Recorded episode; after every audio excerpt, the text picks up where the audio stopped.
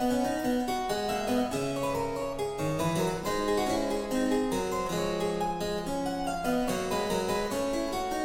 1575 erreichte Plantins Druckerei ihren Höhepunkt. 50 Mitarbeiter bedienten die 16 Druckpressen, außerdem gab es Angestellte im Laden, Hauspersonal und zahlreiche feste Lieferanten. Plantin leitete ein großes Unternehmen mit einer umfangreichen Produktion. Die Leute arbeiteten hart, beklagten sich aber auch, fluchten und hatten Streit. Manchmal gab es sogar Schlägereien. Schriftliche Vereinbarungen, sogenannte Ordonnanzen, regelten die Arbeit. Darin waren die Rechte und Pflichten der Arbeitnehmer, aber auch des Chefs verzeichnet. Wer sich nicht an die Vereinbarungen hielt, musste Strafe zahlen, die in Geld oder Bier beglichen wurde.